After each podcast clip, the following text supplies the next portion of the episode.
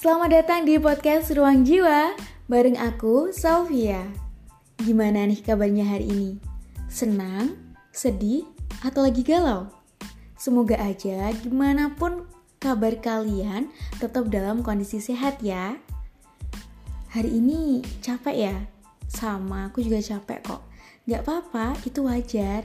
Selalu overthinking sama hidup dan dihadapkan dengan realita pahit, apalagi mikirin diri sendiri yang gak ada ujungnya. Gimana gak capek kan ya? Buat kamu yang ngerasa capek banget, istirahat aja dulu.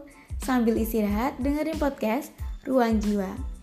Nah, ngomongin soal capek nih, kalian mestinya udah pada tahu Indonesia baru saja membawa medali emas dalam bulu tangkis Olimpiade Tokyo Senin 2 Agustus 2021 lewat pasangan ganda putri Gracia Poli dan Apriani Rahayu. Nah, meskipun pihak lawan merebut poin pembuka pada game pertama, namun wakil Garuda kita berhasil menyusul hingga mereka unggul dan memperlebar jarak sehingga dapat merebut game pertama dengan skor 21-19. Dan saat giliran game kedua, pasangan Garuda kita berhasil mencuri poin pembuka. Semakin memimpin, mereka berhasil menutup laga tersebut dengan kemenangan 21-15. Dengan hasil tersebut maka Gracia dan Apriani mendapatkan mahkota juara dan membawa pulang medali emas Olimpiade Tokyo 2021. Keduanya melanjutkan tradisi emas bagi kontingen Indonesia di ajang Olimpiade setelah Olimpiade Barcelona 1992, Indonesia hanya gagal membawa pulang medali emas pada ajang Olimpiade London 2012.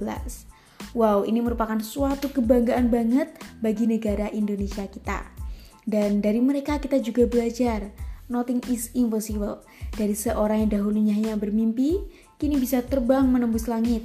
Dari yang biasa aja bisa jadi luar biasa dari usahanya kita tahu prosesnya panjang banget dan pastinya capek, lelah. Sampai kadang di tengah-tengah mereka itu udah ragu. Tapi capek bukan suatu halangan untuk terus melangkah. Hingga takdir punya titik terbaik buat mereka. Karena usaha itu nggak akan mengkhianati hasil. Jadikan capek atau lelahmu itu perfect timingmu untuk menilai dirimu sendiri bahwa aku sudah berada di titik ini untuk menuju tujuanku. Dan jangan sampai kalian lupa pula kepada Sang Kuasa, karena mau sebesar apa pun effort kalian, tapi kalau kalian lupa pada Sang Kuasa ya gimana? Karena yang menentukan itu tetap Sang Kuasa. Dan ketika kita berada di titik terendah pun atau terbaik, tetap hanya kepadanya kita minta, kepada Sang pemilik diri ini. Dan jangan pernah berpikir Tuhan itu nggak adil, karena setiap orang itu sudah punya peran masing-masing di semesta ini. Oke, terima kasih buat kalian yang udah mau dengerin podcast Ruang Jiwa. Semoga bisa dijadikan evaluasi dan motivasi buat kalian semua dan tentunya buat saya sendiri. And see you next time.